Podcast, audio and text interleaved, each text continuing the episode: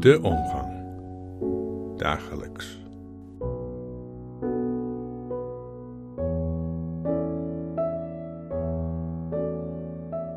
...13 maart 2021.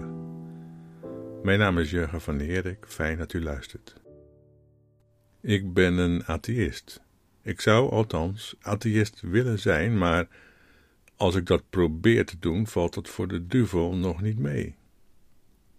Er was eens een jongetje op school aan het tekenen. Wat teken je? vraagt de juf geïnteresseerd. Oh, ik teken God. maar, maar dat kan helemaal niet, want niemand weet hoe God eruit ziet. Nee, maar straks wel.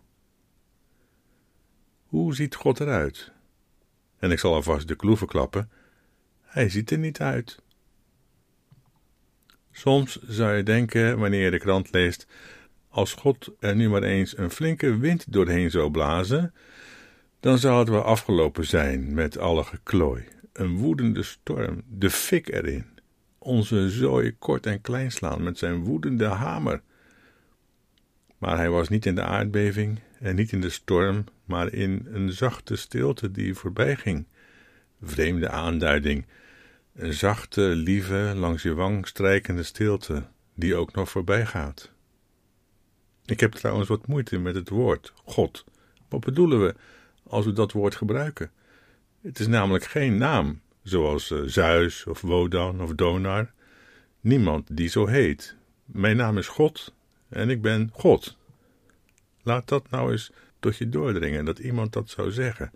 Mijn naam is God en ik ben God. Het is een rol, een functie. Bovendien, en dat is nog wat anders, is het een soort containerwoord. Je kunt er van alles en nog wat in kieperen en het past altijd. Dat is net als met veel andere begrippen. Die zeggen verdraait weinig, zolang je niet wat specifieker bent. Het Kamerlid is geweldig. Dat is pas een mededeling die wat zegt, als je erbij vertelt wie die rol van Kamerlid dan invult. Die rol van bloed voorziet, als het ware. Pieter Omtzigt is geweldig. In de Kamer gekomen ondanks dat het CDA dat niet wilde, maar op voorkeur stemmen, en er samen met Renske Leijten en Farid Azarkan zo vasthoudend in de kindertoeslagaffaire, of beter het schandaal, dat het kabinet daarover besloot op te moeten stappen. De burgemeester is voorbeeldig. Dat is pas hartverwarmend, wanneer zegt van der Laan deed dat op een prachtige manier, burgemeester wezen, anders dan burgervaders doorgaans zijn, alleen al hoe hij het woord lief kon gebruiken voor een lieve stad. De koning is, ja, wat is de koning? Sterk, machtig, wijs en verstandig? Daar kun je pas wat van zeggen wanneer je het over Alexander hebt. Kamerlid, burgemeester, koning, God, het zijn allemaal rollen die moeten worden ingevuld. En dan pas wat voorstellen.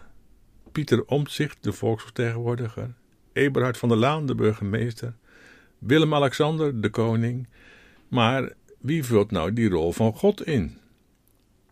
Daar hebben we allemaal het een of andere beeld van. Voor veel mensen is de naam van degene die dat doet Zeus, een oppermachtige oude man met een lange witte baard ergens boven de wolken. In de tijd van Jezus ook al.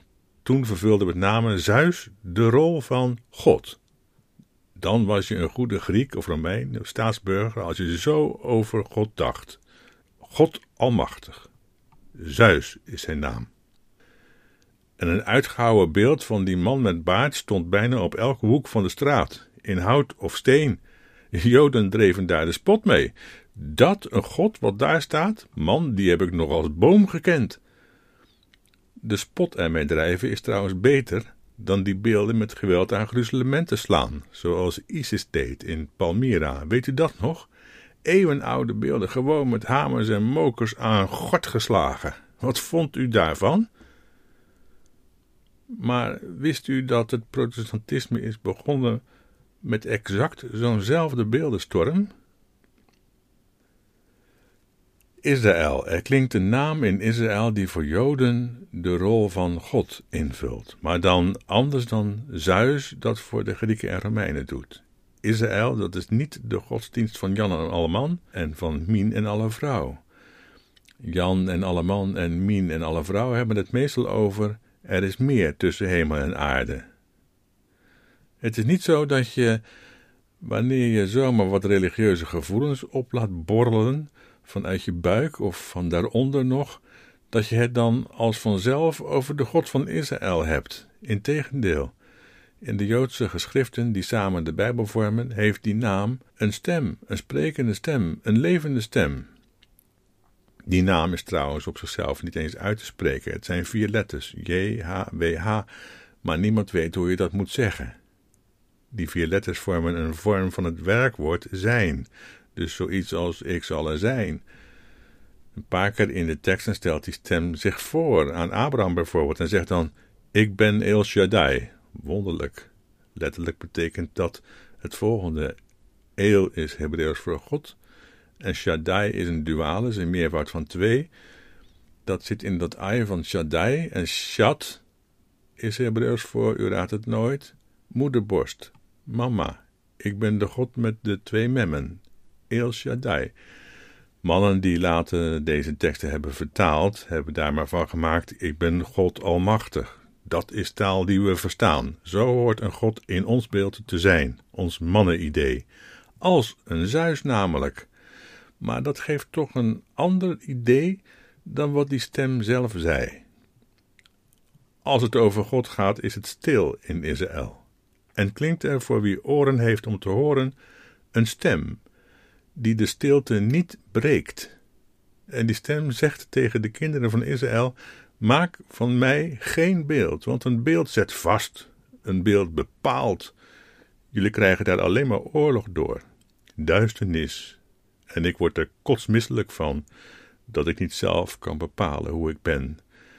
Ik ben namelijk het liefst zoals ik ben. Ik ga dood in een beeld, maar ik ben liever een levende die slaven bevrijdt. Israël, het volk van deze bijzondere God, anders dan de goden, betekent letterlijk vechten met God. Hem bestormen met je vragen. Israël is schoorvoetend, dat dan weer wel in zee gegaan, letterlijk met een stem. Een stem die zegt: Ik wil niet vastgelegd worden, niet in hout of steen en ook niet in een denkbeeld. Zodra je dat doet, ben ik weg. Maar ja, we doen het allemaal, dus zo makkelijk is dat niet. En zelfs Jezus deed het. En op zijn moeilijkste moment schreeuwde hij: Mijn God, mijn God, waarom laat je me in de steek? En het voorhangsel in een tempel waarachter God zou zijn, scheurde van onder tot boven, en daarachter was het leeg. De God van Israël laat zich niet opsluiten in een tempel, een tempel van dromen of in een beeld. Een paar jaar Nadat Jezus is vermoord als een slaaf, hebben de Romeinen Jeruzalem verwoest en ook de tempel. Joden en de leerlingen van die Jezus werden door die Romeinen atheïsten genoemd. Atheoi. De tempel was leeg, namelijk stond niks in. Ja, een kistje, maar dat was ook leeg. En als je geen beeld van God hebt, ook geen denkbeeld, dan ben je een atheïst. Leerlingen van Jezus zijn atheïst of zouden dat moeten proberen te zijn. Ik doe mijn best, geen beeld van God, maar dat valt voor de duivel niet mee, om steeds van een beeld los te komen, althans. Hoe God is? Geen idee. Daar krijg je alleen maar oorlog door, en de God van Israël wordt er kotsmisselijk van. Zeus niet hoor, en Dona ook niet, die laten zich graag vereeuwigen. Toen de Bijbelse boeken al wat vorm hadden gekregen, en het verhaal van die stem die zegt: Ik heb jullie bevrijd, maar laat het alsjeblieft uit je hoofd om een beeld van me te maken. Toen dat vorm had gekregen, hebben ze in Israël gezegd: We maken een geintje. Geen beeld van God, dan doen we iets anders. Dan maken we van onze bevrijder maken we, uh, maken we uh, de schepper van hemel en aarde. En, en van het licht. We zullen ze, de volkeren met hun machtige goden, eens een poepje laten ruiken. En zo is Genesis ontstaan, als late tekst vol gein, die als laatste vooraan is gezet. En wat zegt de schepper in die tekst? Kom, laten we mensen maken naar ons beeld. Mensen zijn dus een beeld van God. precies andersom dan normaal wordt gevonden in de godsdienst. Daar is God altijd een beeld dat door mensen wordt gemaakt. In Israël is alles anders. Daar zijn mensen een beeld van God. Kijk nu eens naast je. Of als je nu alleen bent, zoek dan even iemand op. Je lief. En als dat niet kan, pak dan maar een spiegel. Doe dat eens. Kijk eens. Wat zie je dan? Kijk nou nog eens goed. Bedankt voor het luisteren. Tot de volgende keer.